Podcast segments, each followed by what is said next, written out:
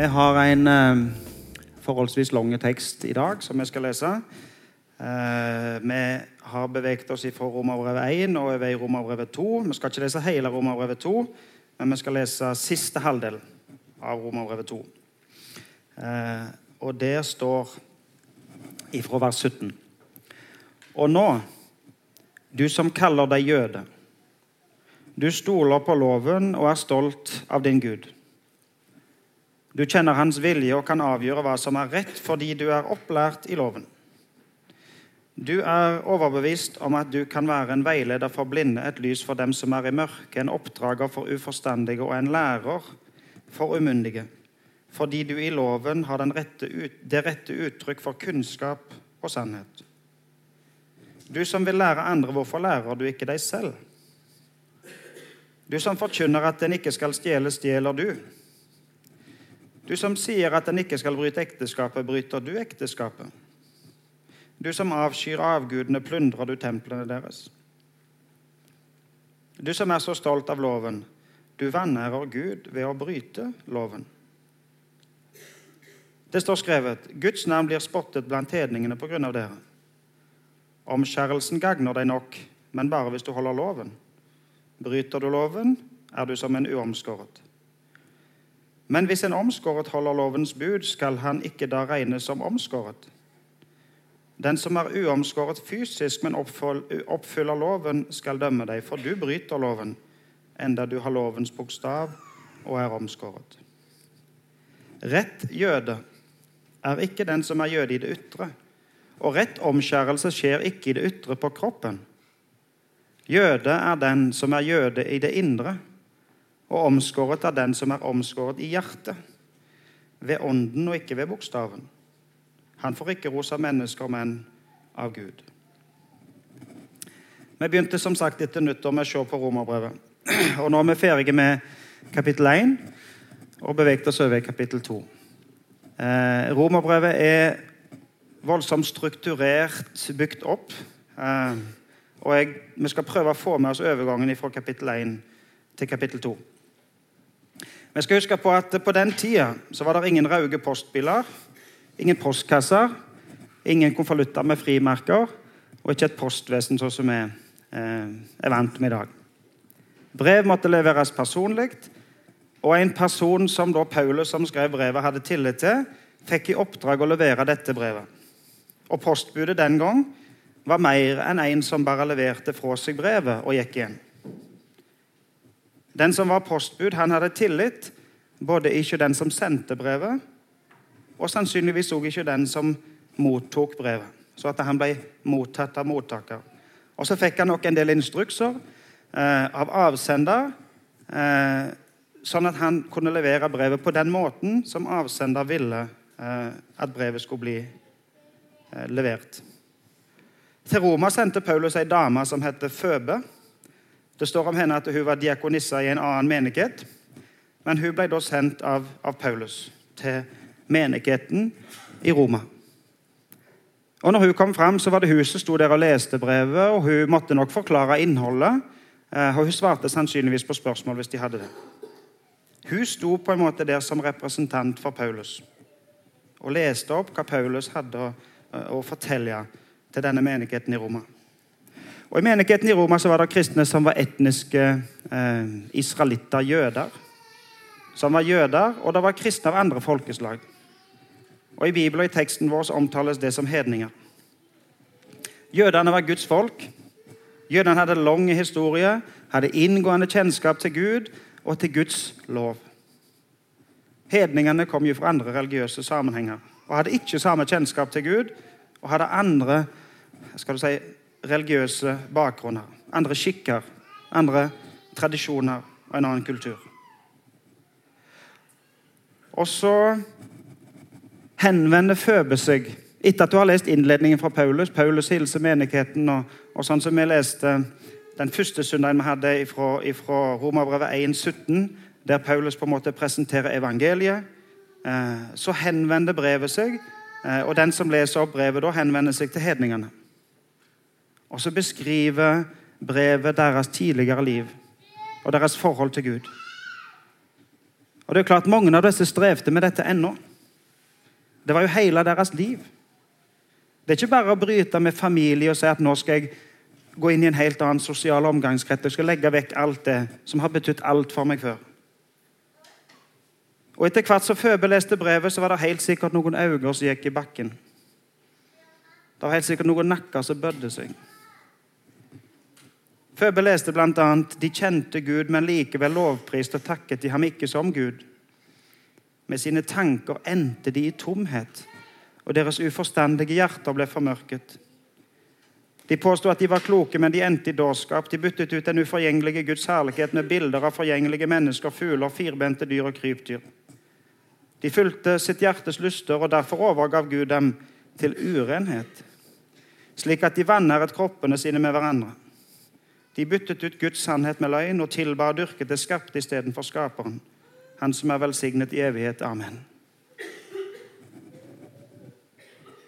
De som da hørte til den, de som da ble beskrevet her, de eh, så nok i bakken. De ble nok berørt. De skjems nok litt, og de tenkte at dette handler om meg. Men så satt det jo en annen gruppe mennesker der i salen. Jødene satt jo der, og det var egentlig ikke dette. Denne teksten handla på en måte da ikke om jødene. Men de satt på sida, og de skjønte meget godt hva, hva, det var snakk om. De hadde jo sett all denne umoralen. De hadde jo sett alt dette som skjedde i de hedenske ritualer og, og, og, og alle de tilstelninger de hadde. Og De syntes nok at nå var det på tide at Paulus adresserte dem. Nå var det på tide at Paulus henvendte seg og tok opp dette. Og Så satt de nok der og nikka og tenkte at dette ser ut til å bli et godt møte. Og Så er Føbe ferdig med å beskrive hedningene. Og Så henvender hun seg til jødene og så sier hun Derfor har du ingen unnskyldning, du menneske som dømmer, hvem du enn er. For når du dømmer en annen, fordømmer du deg selv. Du som dømmer, gjør jo selv det samme. Og Vi vet at Guds dom med rette rammer dem som driver med slikt. Men når du, menneske, dømmer dem som gjør slikt, og selv gjør det samme, mener du da at du skal slippe unna Guds dom? Du som dømmer, du har ingen unnskyldning. Du gjør jo sjøl det samme. Og så leste Føbe opp Paulus sin dom over de som var sjølrettferdige. Og så kan det hende det var flere blikk som gikk i bakken. Du som kaller deg jøde. Du kjenner Gud, du kjenner loven. Du vet hva som er rett. Du tror til og med på Han. Og du tror du kan til og med fortelle andre hva som er rett. Du tror du kan være lærer. Men lærer du deg sjøl?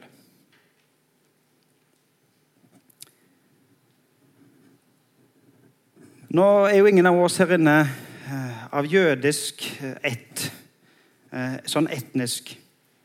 Men la meg prøve å oversette dette til oss, til vår kontekst. Og nå, du som tenker deg sjøl at du er en god samfunnsborger. Du heller deg til landets lover, og du har meninger om de som ikke gjør det. Du har en ganske høy standard for liv, og du kan avgjøre hva som er rett.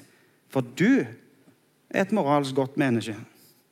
Du er overbevist om at du kan være en veileder for blinde, et lys for de som er mørke, en oppdrager for uforstandige, en lærer for umyndige. For du har kunnskap, og du kjenner sannheten. Du som vil lære andre, hvorfor lærer du ikke deg sjøl? Hvordan tenker du om andre? Hva standard setter du for andre sitt liv? Og hva med deg? Klarer du å leve opp til det som du krever av andre? Det var en, eh, en, en kjent eh, amerikansk filosof og teolog som har, som har skrevet en, eh, en, veldig kjent skal du si, tolkning. Lagd et bilde av Romerød 2. Han heter Francis Schaeffer, og han, Hvis du søker på Francis Schaeffer og søker på 'The Invisible Tape Recorder', så får du opp denne historien. Nå har jeg, jeg, jeg, har ikke funnet den på norsk, så jeg har oversett den. så Hvis det er en dårlig oversettelse, så er det min feil. Men uh, den, den heter egentlig da 'The Invisible Tape Recorder' på, på originalteksten. Uh, men fritt oversatt så blir det sånn som dette. Dette er da Francis Sheffer som skriver. Tenk deg at alle blir født med en usynlig opptaker rundt halsen. Tenk videre at dette er en veldig spesiell opptaker som bare tar opp moralske kommentarer. Den tar aldri opp når noen sier 'dette er vakkert'. Men når en person sier 'hun er en sladrefant', eller 'han er så lat', da slår opptakeren seg på, tar opp og slår seg av igjen. Den tar opp mange ganger i løpet av dagen. Når den som ber opptakeren, kommer med moralske kommentarer om andre, tar opp dusinvis av slike kommentarer hver, dag, hver uke, hundrevis hvert år og tusenvis i løpet av et liv. La oss bytte scene. Vi ser, alle, vi ser alle mennesker samlet foran Gud på dommens dag. Noen vil da si det er ikke rettferdig av deg, Gud, å dømme meg. Jeg fikk aldri høre om Jesus. Andre sier ingen lærte meg de ty bud, og jeg leste aldri bergprekenen. Så sier Gud, greit. Siden du påstår at du ikke kjenner mine lover, så setter jeg min perfekte, rettferdige standard til side. I stedet skal jeg dømme deg etter denne. Og så spiller Gud av opptakene fra opptakeren. Personen hører med skam sin egen stemme, som øser ut fordømmende kommentarer om andre mennesker. Det burde hun ikke gjort. Det var galt av han. Tusens, tusenvis av slike moralske, dømmende kommentarer. Når avspillingen er ferdig, sier Gud, dette skal være grunnlaget for min dom. Hvordan du selv klarte å overholde den moralske standarden som du påsto å kjenne, når du gang etter gang fordømte andre mennesker. Du anklager noen for å lyve, men har du selv noen gang vridd på sannheten? Du var sint på andre for de var egoistiske, men har du noen gang satt dine egne interesser foran andres? Da vil alle bli stille. For ingen har hele sitt liv levd opp til den moralske standard han krever av andre mennesker. Sånn skriver Francis Schäffer i sin kommentar om Romerbrevet 2. Jesus han eh, adresserer egentlig akkurat det samme eh, i det som jeg kaller for bergpreket, som står i Matteus 5. Du dømmer andre, men hvordan er det med deg? Jesus sier du har hørt det sagt av forfedrene, du skal ikke slå i hjel. Men den, den, som slår i hjel, skal være skyldig for domstolen. Men jeg sier deg, den som blir sint på sin bror, skal være skyldig for domstolen. Og den som sier til sin bror 'din idiot', skal være skyldig for det høye råd, og den som sier den ugudelige narr, skal være skyldig til helvetes ild. Eller kanskje den berømte Dere har hørt det har sagt, du skal ikke bryte ekteskapet. Men jeg sier dere, den som ser på en kvinne for å begjære henne, har allerede begått ekteskapsbrudd med henne i sitt hjerte. Poenget er det samme. Det er i grunnen et hjerteforhold det er snakk om. Det er i grunnen noe som er på innsiden det er snakk om. Og hvis du ransaker ditt eget hjerte, så er det ikke sikkert at du er så mye bedre enn de som du rister på hodet av. Jeg tok med et sitat av C.S. Lewis, for jeg syns det det var litt uh, festlig. C.S. Lewis han sa If you look upon ham and eggs and lust, you have already committed breakfast in your heart. Uh, det er jo poenget i, i, i bildet til Jesus. Hvis du, hvis du gjør i ditt hjerte så har du begått i ditt hjerte. Hvordan er det med oss her på bedehuset? da? Hvordan skal vi på en måte oversette teksten til vår kontekst? Vi kan jo f.eks. prøve å si Når du som kaller deg kristen, du går i bedehuset, da mener du har den rette Gud. Du kjenner hans vilje, du kan avgjøre hva som er rett, for du er kjent i Bibelen. Du er overbevist om at du kan være en veileder for blinde, et lys for de som er i mørket, en oppdrager for uforstandige en lærer for umundige fordi du i Bibelen har det rette uttrykk for kunnskap og sannhet. Du som vil lære andre, hvorfor lærer du ikke deg selv? Hvordan er det med oss? Hvordan forholder vi oss eh, til andre? Hvordan tenker vi om andre?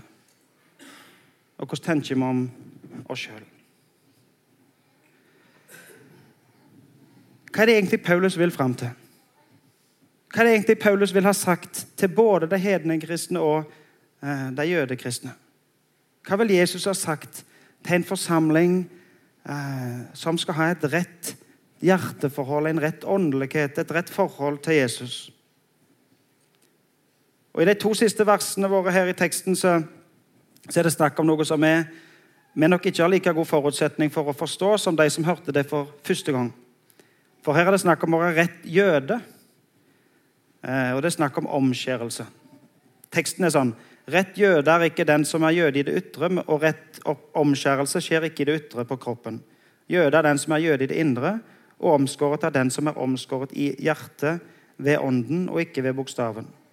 Han får ikke ros av mennesker, men av Gud. Her, her snakker da Paulus om det å være jøde, og han snakker om omskjærelse. Og Det er i grunnen en underlig ting, det med omskjærelse. Det er jo tegnet på at jødene var Guds folk. Det er paktstegnet i den gamle pakt. Når Gud skulle inngå en pakt med, med israelsfolket eh, og si at israelsfolket var, var, var hans folk, så gav Gud i dette paktstegnet. Sa at omskjærelsen skal være tegn på at dere er mitt folk. Det fins noen folkegrupper i Afrika, eller andre plasser òg, helt sikkert, men jeg har noe bedre kjennskap til Afrika enn noen andre plasser. sånn sett, men Der fins det en del folkegrupper som har forskjellige tegn, forskjellige ytre tegn. Noen har lange ører med sånne store hull i ørene. Andre har eh, ringer rundt halsen, eller noen har kutta seg opp på kjeken. Eller, eller, eller, sånne tegn som på en måte når du ser de folket, så vet du hva folk de hører til. Åhå, han er Masaya. Eller han er Datoga. Eller han er Irak. Og så, og så vet du hva slags folk de hører til. Men Gud eh, gav israelsfolket et underlig tegn. Omskjærelsen. Det er jo i grunnen å skjære vekk forhuden på mannens mer private deler. Jeg skal ikke mer inn på det. Det er jo merkelig. Det er jo underlig. Det er jo et tegn som ikke viser. Det er jo ingen som går rundt og sier 'se her, jeg er jøde'. Det blir litt underlig, ikke sant? Men jødene de lagde seg mange andre tegn som gjorde at de ble gjenkjent. Så når du ser, når du ser jøder på, på, fjernsyn, så vil du sikkert tenke at det er en jøde, men ikke fordi at de er omskåret. I den nye pakt, i Det nye testamentet, så har vi òg et paktstegn. Gud har gitt oss dåpen som paktstegn på at vi hører til hans folk. Og det har jeg undra meg over. Hvorfor i all verden eh, har Gud gitt oss dåpen? Det er jo en fin symbolikk i grunnen. Du blir begroven med Jesus, og du står opp igjen, sånn som Jesus sto opp til et nytt liv. Og vannet er bildet på at det renser, det vasker, og vann gir liv. Og det er flott symbolikk i dåpen. Men uansett hvor mye vann du bruker, så tørker det vannet. De to som er døpt i dag, de er torre på hodet allerede. Så det er ingen som på en måte kan stå fram og si 'Se her, jeg er døpt'. Men Paulus han sier til oss her at poenget er egentlig ikke det som skjer i det ytre. Poenget er det som skjer i hjertet. Jeg vil tro at jødene de setter nok noen krav til de som skulle utføre en omskjærelse. Det er ikke hvem som helst som får leke med kniven på en måte i den sammenheng. Tenk deg selv, hvis du skulle, hvis du skulle uh, operert på en plass som var altså Hvis du skulle hatt en, en hjerteoperasjon, så ville du jo selvsagt hatt kvalifisert personell. Du vil ikke at hvem som helst skal leke med kniven på, på kroppen din. På den tida brukte de ikke døpefonter til dåpshandlingen. De gikk jo til en til elv eller til en plass der det var vann. Og Da tenker jeg, da var det jo knytta en viss risiko til det. Ikke hvem som helst som fikk lov å duk dukke deg under der. Hvis ikke det ble gjort på en ok måte, så kunne det jo gå galt til meg. Men poenget er jo ikke det som skjer i det ytre. Poenget er det som skjer i hjertet. Og hjertet ditt, det må du ikke overlate til hvem som helst. Hjertet ditt er det bare Gud som kan ta seg av. I dag er det fastelavnssøndag, og det er morsdag på en gang. Så har jeg tenkt Fastelavnssøndag altså det er jo innledningen til fasten. Det er fordi at vi nærmer oss påske, eh, og fasten begynner. Og Fasten er nok en skikk som vi nok ikke er så vant med å, eh, å gjøre, iallfall til en ytre skikk. Men hvis du ser på fjernsynet, så, du nok, så, så kan du se fra andre verdensdeler, andre land, der de gjør fasten til en voldsom skikk, til en voldsom sak. Eh, og du ser bilder av folk som, som, som, som går gjennom viss, forskjellige ritualer. De piner seg sjøl. De blir kanskje til og med korsfesta på slutten av fasten for å på en måte vise at dette er virkelig noe som jeg mener. Og så, og, så, og så, er det på en måte noe som skjer ytre, noe som, som de vil at folk skal se. Se på meg. Men hva er egentlig poenget med fasten? Er poenget med fasten å vise seg fram og se på meg? Eller er det noe annet som egentlig er poenget med fasten? I dag er det morsdag. Og du som er mor, du vet at det å være mor det er ikke noe som du kan være i det ytre. Det å være mor det er på en måte ikke bare en plakat eller en utside eller en fasade som du lager til. For av en eller annen grunn så er det noe der inne i hjertet ditt som banker ekstra for det lille barnet. Og så vil du som er mor det aller, aller beste for barnet ditt. Og Derfor så bar Katrine gutten sin til dåpen i dag for å si til Jesus du må ta deg av han. Du må ta deg av han Esra. Og Derfor kom Ingunn med han Markus og sa til Jesus kan du stedle med hjertet hans Markus. Vannet tørka jo fort. Men Jesus' sin omsorg for han Esra og for han Markus den tørker aldri ut. Dåpen er ikke bare vann. Dåpen, den er Guds ord og Gud sjøl som gir løfte om at du som hører Hans røst Du som hører Hans ord, du blir Hans barn. Du blir Guds barn. Og du blir en del av Guds folk og en del av Guds familie. Og så er vi en familie samla her på bedehuset. Og i dag så skal vi feire mammene våre. Mammene i vår familie. Å være familie er ikke noe som du bare kan være på utsida. Å være familie handler om hjertet.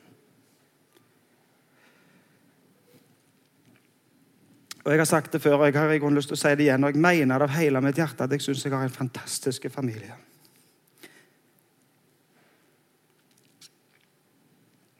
Eh, dere, de fleste av dere som sitter her, vet at eh, det var ikke vår plan eh, å bo på Vea akkurat nå. Det var i grunnen ikke vår plan akkurat nå å, være til stede fysisk, i alle fall her med, med familien vår. Men når vi nå bor her, og når vi nå går her, og når vi nå hører til her på bedehuset, så syns jeg jeg har, jeg har verdens beste familie. Jeg er så glad for at jeg får høre til her på bedehuset. Vi er så utrolig heldige. Og Det er ikke mange plasser i verden der de har en så flott familie som er her. Tenk å få lov å bo i Veabygda. Tenk å få lov å ha så flotte venner og naboer og familie her på bedehuset. Og for en familie som er knytta sammen med et hjerteforhold på den måten, så blir det naturlig å snakke fint om hverandre. Så blir det i grunnen umulig å se ned på noen som du er glad i. Baksnakking, skeive blikk, kalde skuldre. Det blir helt feil i en familie. Og så vet vi selvsagt at det kan skje i en familie òg. At det kan komme vonde ting inn som kan ødelegge familien. Men så tenkte jeg mon tro om jeg kan spørre dere Om vi kan bli enige om, vi som sitter her, at vi vil elske og ære vår himmelske Far. Og at vi vil leve sammen som brødre og søstre, som familie, som har den samme Far i himmelen. Å være familie handler ikke om gatenavn og adresse. Eh, men å være familie handler om hvordan du har det i hjertet, i lag med de som du er i familie med. Vår himmelske Far, han elsker oss så høyt at det knuser hjertet hans å se på alt urett som skjer iblant de han er glad i. Han elsker oss så høyt at det er vondt for han å se på alt det galne som skjer i denne verden. Og så har vi en bror som levde et liv her på jord uten å gjøre noen ting galt. Så høyt har Gud elska verden at han gav sønnen sin, den eneste, til oss, ned til jord. Han som er hellige og reine, han som har et helt rent hjerte. Og han elsker deg så høyt at han tok de synd på seg, og hans rene hjerte ble ureint. Og Derfor så måtte Gud inn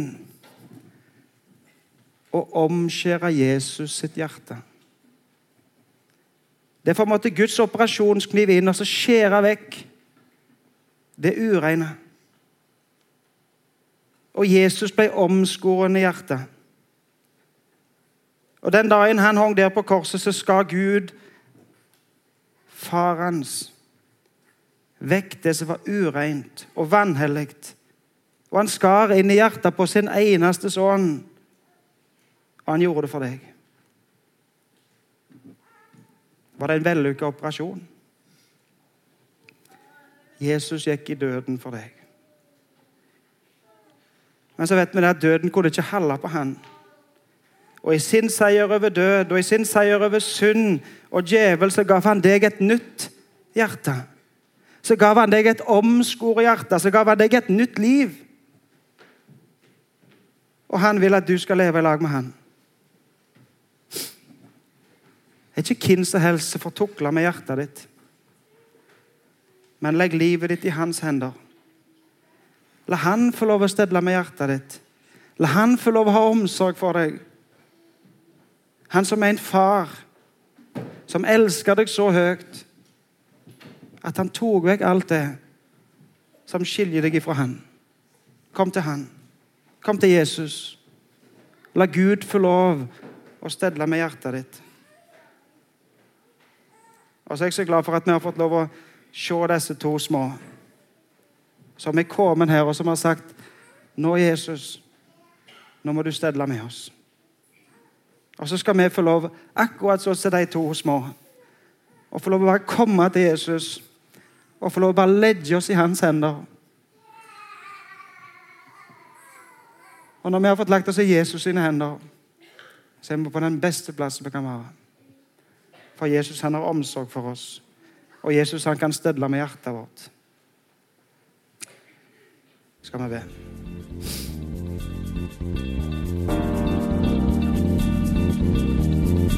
you